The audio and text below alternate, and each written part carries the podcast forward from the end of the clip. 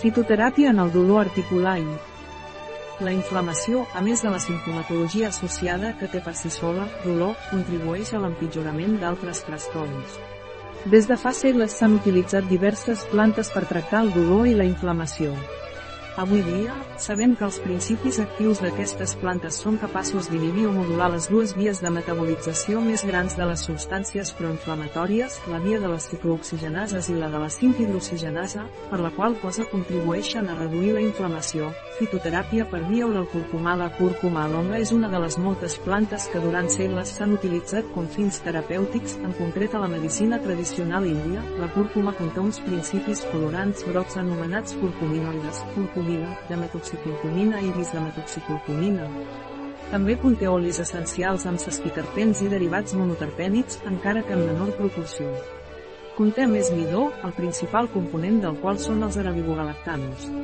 Però la seva activitat antiinflamatòria, antioxidant i antidegenerativa, és deguda als curcuminoides.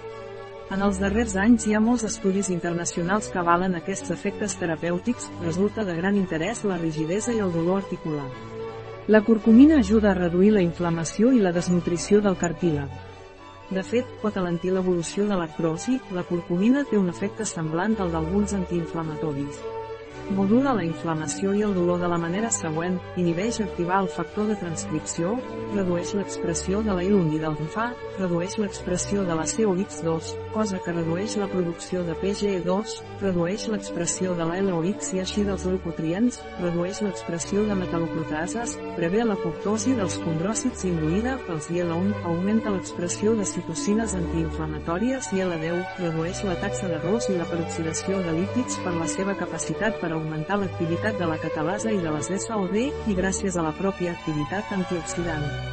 Tot i que és reconegut que la curcumina és la principal molècula activa de la cúrcuma, és important consumir completa i no només un dels seus ingredients bioactius, ja que funciona millor en tenir tots els elements bioactius presents. Això passa amb molts compostos naturals. La cúrcuma es pot fer servir també per via tòpica, encara que és molt menys freqüent i els estudis són molt menys concloents. La tolerància i la seguretat de la cúrcuma són altíssimes, però alguna contraindicació o efecte secundari s'ha descrit i mereix una menció. Són les següents, obstrucció de conductes biliars, infecció biliar, possibles interaccions amb anticoagulants, irritació gàstrica, sequedat de boca. Un article de Catalina Vidal Ramírez, farmacèutica, gerent de Biofarma, és. La informació presentada en aquest article no substitueix de cap manera l'assessorament d'un metge, qualsevol menció en aquest article d'un producte no representa el suport dels objectius de desenvolupament sostenible a aquest producte.